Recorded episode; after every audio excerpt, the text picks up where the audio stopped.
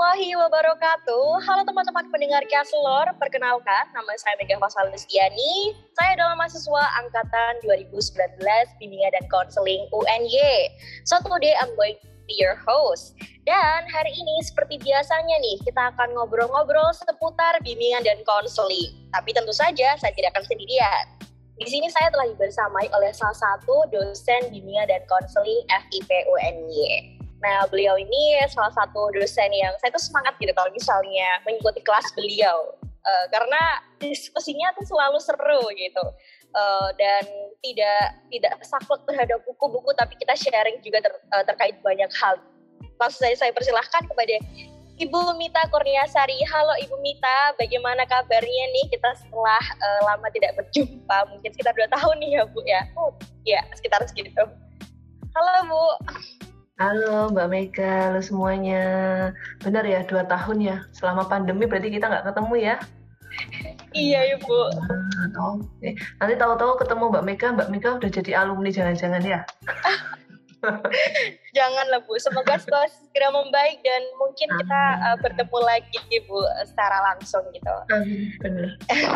iya, nah Ibu, uh, seperti yang sudah tadi saya bahas gitu Bu, kita hari ini akan membahas dan berbincang-bincang terkait bimbingan dan konseling. Karena ya seperti yang kita tahu lah ya Bu bahwa uh, masih banyak gitu isu-isu dan stigma-stigma uh, yang mengelilingi bimbingan dan konseling ini. Dan banyak juga gitu hal-hal yang orang-orang itu salah paham gitu terkait bimbingan dan konseling. Nah, kita akan membahasnya di podcast kali ini. Baik Ibu, untuk pertanyaan pembuka nih, sebenarnya tuh seberapa penting sih kehadiran guru BK di sekolah di suatu instansi itu sebenarnya seberapa penting sih? Oke, terima kasih Mbak Mega. Kalau ditanya seberapa penting, berarti jawabannya penting dong. Kenapa penting? Toh uh, kalau nggak penting, nggak ada dong jurusan psikologi pendidikan dan bimbingan di UNY ya. Jadi kalau ditanya seberapa penting, penting sekali. Mengingat kalau kita bahas yang namanya sekolah ya, apalagi uh, siswa, siswa itu kan ragam macam dari berbagai budaya, berbagai keluarga dengan nilai-nilainya sendiri. Yang itu kan akhirnya nanti membentuk sikap yang pasti juga luar biasa beda-beda ya. Ada yang di kelas tuh kalem, ada yang di kelas itu luar biasa aktifnya. Nah, untuk bisa mengakomodir perbedaan-perbedaan yang ada di siswa itu. Jadi bisa tahu oh ternyata siswa ini tuh uh, kepribadiannya ini. Siswa ini tuh minatnya ke sini loh. Siswa ini tuh sukanya gini gitu. Nah itulah di peran pentingnya guru BK tuh di situ. Jadi bagaimana membantu siswa mengenali minat dan bakatnya, mengenali potensinya, membantu mereka yang memiliki masalah yang mungkin masalahnya bukan masalah akademik. Kan kalau di sekolah tuh ada ya siswa yang masalahnya akademik karena nggak paham sama materi. Berarti kan itu bisa ya dibantu sama guru mapel ya kan? Misal nggak bisanya matematika ya berarti uh, belajarnya sama guru matematika. Tapi kalau permasalahannya terkait pribadi permasalahannya terkait sosial misalkan ada dia punya masalah sama temennya harus ke mana gitu kan misal kalau dia uh, punya teman gitu bisa cerita sama teman tapi kalau kebetulan dia punya masalah sama teman harus ngapain dong harus ke mana padahal nggak nggak deket nih sama orang tuanya nah kan salah satunya bisa datang ke bimbingan dan konseling datang ke guru BK-nya, minta pertolongan, minta bantuan supaya permasalahannya selesai. Seperti itu. Oh, baik Ibu, menarik sekali nih Bu. Saya juga melihat organisasi seperti itu sih Bu di sekolah juga bahwasanya BK ini bisa menjadi wadah gitu untuk teman-teman yang mungkin tidak bisa bercerita kepada orang di sekitarnya, kepada orang tuanya. Mungkin mau cerita ke orang tuanya canggung begitu ya Bu atau uh, tidak mempercayai temannya gitu mungkin bisa datang ke BK atau yang saya pahami juga bahwasanya seperti yang kita katakan tadi bahwa kita juga terfasilitasi gitu untuk menanyakan dulu saya juga pernah bu ke BK itu menanya ibu saya kalau misalnya jurusan ini itu uh, baik atau tidak ya tepat hmm. tidak dengan kar karakter saya seperti ini bakat saya seperti ini. Jadi hal ini menarik sekali bu. Namun uh, memang masih hmm. saya lihat-lihat memang masih uh, sedikit gitu ya bu pergerakan BK gitu di sekolah. Masih belum mungkin teman-teman saya juga dulu waktu SMA belum bisa memaksimalkan juga dari segi sesuatunya kurang bisa memaksimalkan fasilitas tersebut gitu. Nah, seperti yang tadi sempat saya singgung juga nih, Bu, bahwasannya masih banyak juga stigma-stigma yang mengelilingi guru BK. Mungkin ini juga nih yang membuat dulu anak-anak SMA dan teman-teman saya sendiri itu sedikit enggan untuk masuk ke BK karena stigma yang mengelilingi BK tadi. Ada nih Bu stigma yang sudah lama sekali beredar bahwasanya guru BK ini adalah polisi sekolah. Nah, pendapat Ibu sendiri nih terkait stigma tersebut bagaimana sih? Oke. Okay. BK itu polisi sekolah tuh sepertinya sudah bertahun-tahun terngiang-ngiang di telinga kita ya. Udah mau coba kita jelaskan ratusan kali ya, tetap aja ketemu orang e, jurusan apa mbak kuliahnya BK. Wah saya dulu dihukum sama guru BK saya gitu kan. Atau wah guru BK nih berarti besok ini ya tukang nyukur rambut siswa ya gitu. Atau wah nanti tukang memberikan hukuman ke siswa ya gitu. Kan e, akhirnya jadi kok gini lagi sih gitu kan tapi kan kadang-kadang kita tuh tidak punya kesempatan untuk menjelaskan, ya kan? Dan ada juga beberapa orang yang memang tidak butuh dijelaskan, tapi mereka sudah cukup tahu, ya BK, atau malah mungkin gini, bimbingan penyuluhan, jadi tugasnya memberikan penyuluhan gitu kan.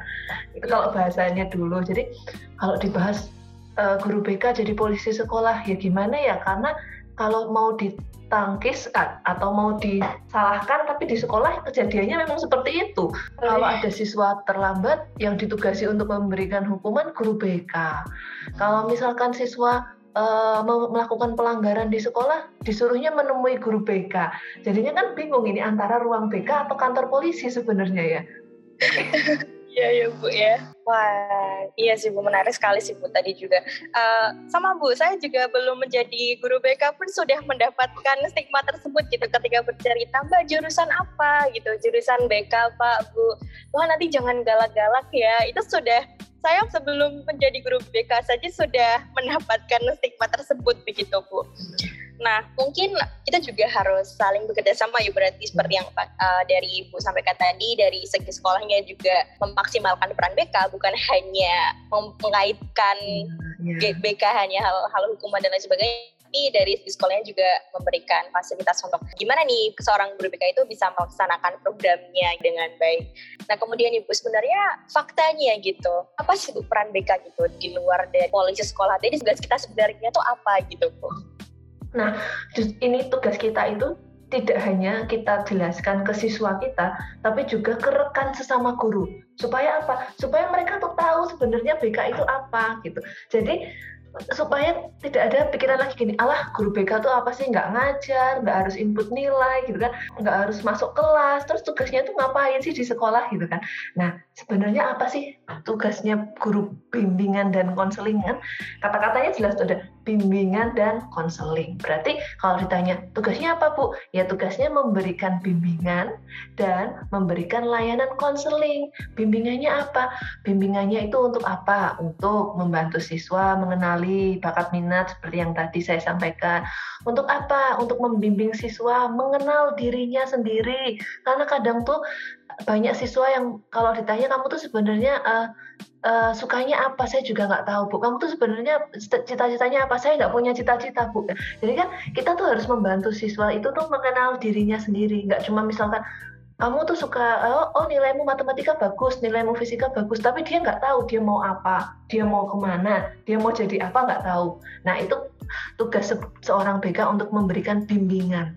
Bimbingan untuk apa? Bimbingannya nggak cuma masalah pribadi masalah sosial masalah belajar. Ada siswa yang punya masalah belajar.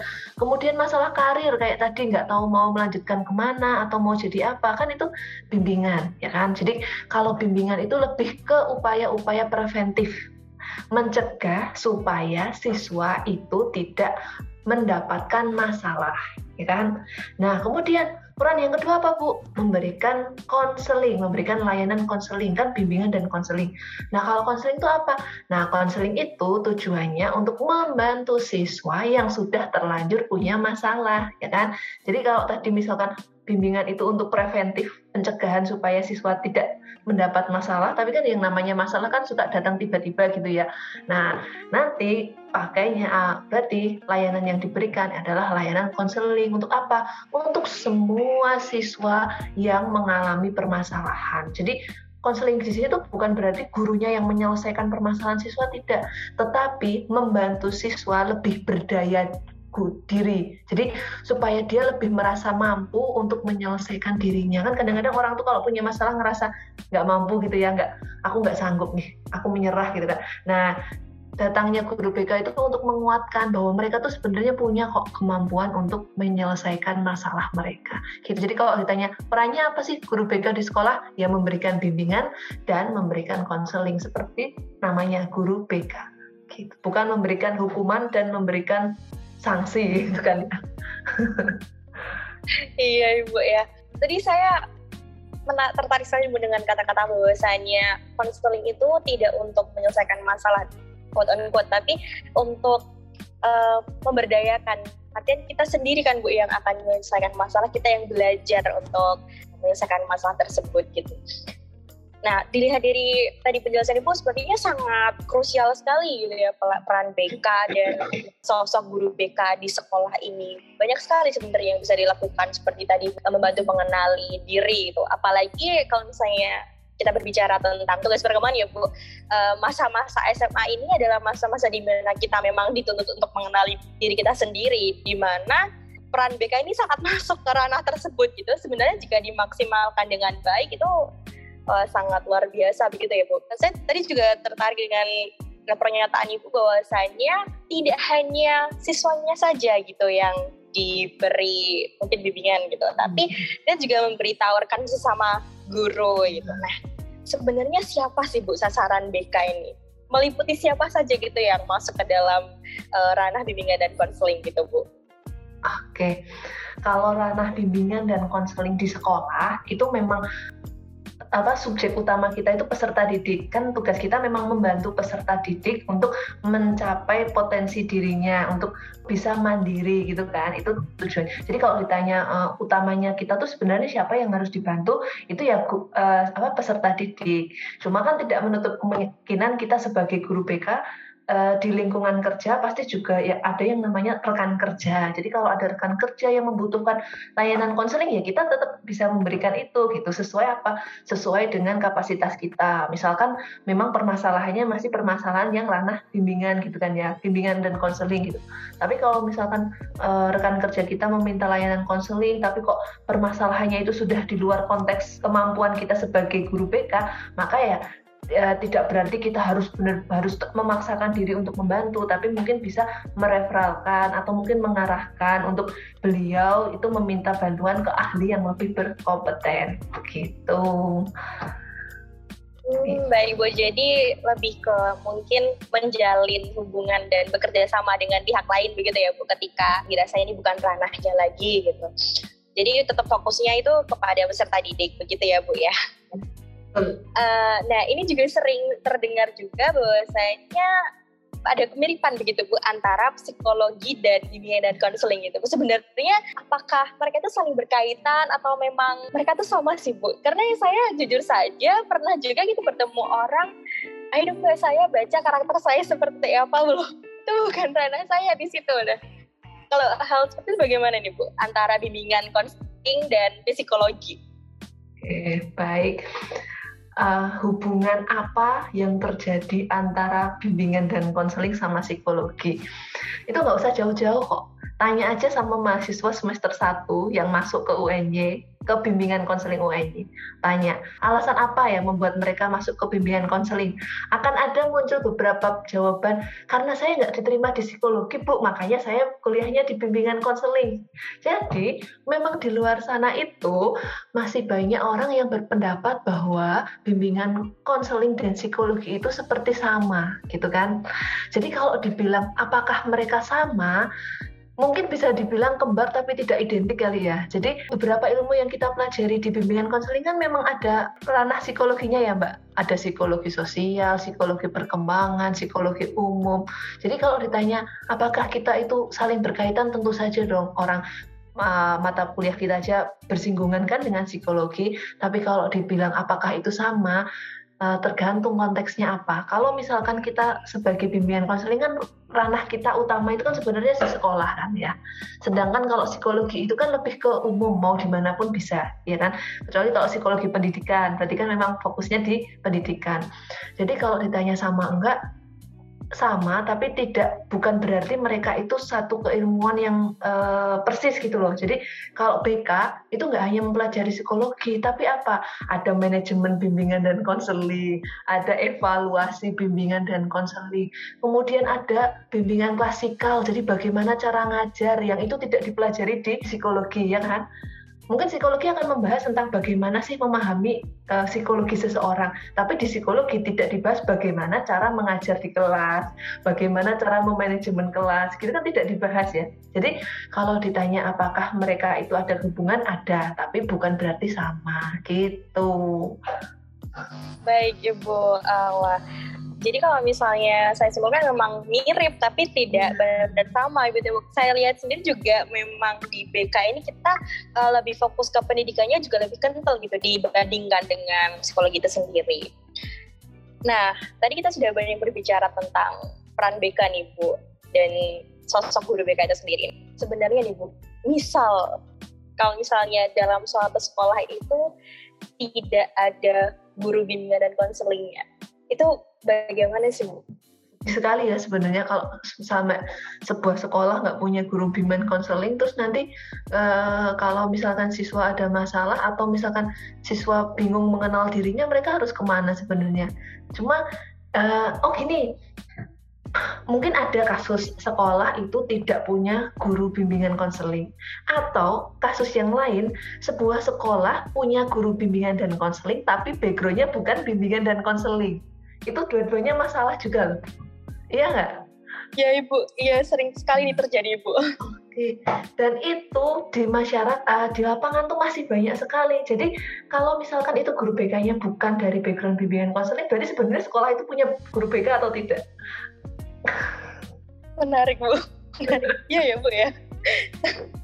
Tapi nah, itu ya. memang sering sekali bu kita temui ya bu ya. Kadang-kadang uh, kalau misalnya tidak ada guru BK, butuh agamanya yang dijadiin BK. Nah, akhirnya permasalahan diselesaikan dengan sisi agama, ya kan dari sisi agama terkait baik dan benar, eh, baik dan buruk, benar salah, itu kan akhirnya. Ini bu. Iya. Yeah. Jadi kalau ditanya gimana kalau misal sekolah nggak punya guru BK ya berarti tidak akan ada layanan bimbingan dan tidak akan ada layanan konseling seperti itu.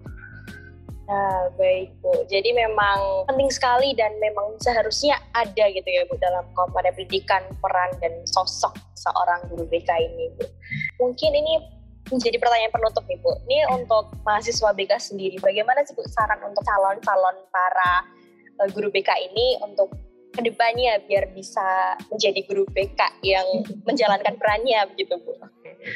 Berarti kalau pertanyaan itu tuh sebenarnya berlaku untuk saya juga sebagai uh, orang BK yang juga masih terus belajar untuk bagaimana menjadi orang BK ya kan. Jadi kalau ditanya mahasiswa BK tuh harus gimana sih biar besok jadi guru BK yang hebat gitu ya di lapangan itu itu yang sering saya bilang kalau di kelas uh, kita sebagai guru BK itu kan nantinya akan membantu siswa mengenal dirinya, ya kan? Nah, sebelum membantu orang lain, sebelum membantu siswa untuk mengenal diri sendiri, jangan pernah lelah untuk mengenal diri kita sendiri dulu. Gitu. Jadi kita tuh tahu dulu kita tuh apa, kita tuh maunya apa, kita sukanya apa, kita tuh gimana sih orangnya gitu. Jadi kalau kita sudah tahu diri kita sendiri baru bisa mengenal orang lain. Karena kalau tidak ya, misalkan saya juga belum mengenal diri saya sendiri, tapi saya mau mengenal orang lain yang ada malah memaksa orang lain mengenal diri kita gitu. Jadi bukan memahami siswa malah meminta siswa untuk memahami kita sebagai guru kan jadi kebalik kan. Jadi biasakan untuk mengenal diri kita sendiri dulu. Kalau sudah baru kenali orang lain gitu. Biar terbiasa melihat sesuatu itu pakai kacamata yang banyak gitu loh. Jangan memaksa kacamata kita dipakai untuk melihat banyak orang gitu. Wah, terima kasih nih Bu. Tadi pesannya sangat apa ya Bu? Relate sekali gitu. Sebelum kita mengenal orang lain, mari kita kenali diri kita terlebih yeah. dahulu gitu ya Bu ya. Uh, Bu berhubung tadi sudah menjadi pertanyaan terakhir kami nih Bu. Uh, terima kasih sekali loh Bu sudah mau sharing-sharing singkat tapi berkualitas gitu. Terima Amin, kasih sekali. Amin. Terima kasih sudah meluangkan waktunya di sela sela kesibukan ibu untuk sharing-sharing bareng kita semua nih tentang seputar BK. Sebenarnya kalau misalnya kita mau jabarin lagi ya Bu, masih banyak sekali nih yang ya, bisa dibahas betul. tentang guru BK. Banyak sekali itu isu-isu yang masih bisa kita diskusikan bersama. Nah, mungkin itu akan jadi topik di podcast selanjutnya mungkin ya Bu. Iya Bu, sekali lagi terima kasih. Sebelum saya tutup, saya sebutkan sedikit gitu terkait peran BK. Bahwasanya peran BK ini menjadi peran yang sangat penting gitu dalam suatu instansi pendidikan guru BK ini mempunyai peran yang sangat besar dalam membantu peserta di berkembang gitu. Tadi sudah dibahas juga terkait dengan mengenali diri, mengenali potensi, mengenali bakat. Di mana pada saat itulah nih kita tuh dituntut untuk mengenali diri kita, tugas kita untuk mengenali siapa sih kita, apa yang kita mau, dan di situlah gitu BK memainkan perannya. Sehingga ini menjadi poin yang sangat penting jadi harapannya sih peran BK ini sangat bisa dimaksimalkan dan teman-teman semuanya ini bisa memandang guru BK tidak sebagai pandangan negatif, tapi uh, sebagai sesuatu yang bisa kita percaya dan mungkin bisa kita mintai pertolongan. Ya, itu Ibu. Terima kasih telah bergabung. Dan mungkin dari Ibu ada yang terakhir nih ingin disampaikan kepada pendengar-pendengar Kasluar kami. Oke, penutupnya ini aja sih. Kalau dulu awal pandemi kan kita siap-siap nih beradaptasi dengan pembelajaran yang tiba-tiba harus online. Nah, alhamdulillah sepertinya pandemi sekarang mulai kondusif, mulai bisa terkendali dan sepertinya kita harus mulai siap-siap untuk kuliah secara offline ya. Jadi pesan saya ayo mari sama-sama kita beradaptasi, mempersiapkan diri untuk kembali kuliah offline ya yang tadinya kuliahnya sambil rebahan ya mohon maaf besok kuliahnya harus berangkat ke kampus pakai seragam lagi ya jadi selamat mempersiapkan diri menuju kehidupan baru setelah pandemi. Ya, terima kasih ya Bu tadi sepertinya saya juga merasa tertampar begitu terkait itu. Ya, mari kita teman-teman persiapkan diri kita untuk beradaptasi kembali uh, dan uh, semoga perbincangan hari ini bisa menjadi uh, manfaat ya untuk teman semuanya dan bisa menjadi pelajaran yang baru terutama buat untuk saya sendiri gitu. Ya, terima kasih Bu dan teman-teman semuanya. Wassalamualaikum warahmatullahi wabarakatuh. Sampai jumpa di podcast selanjutnya.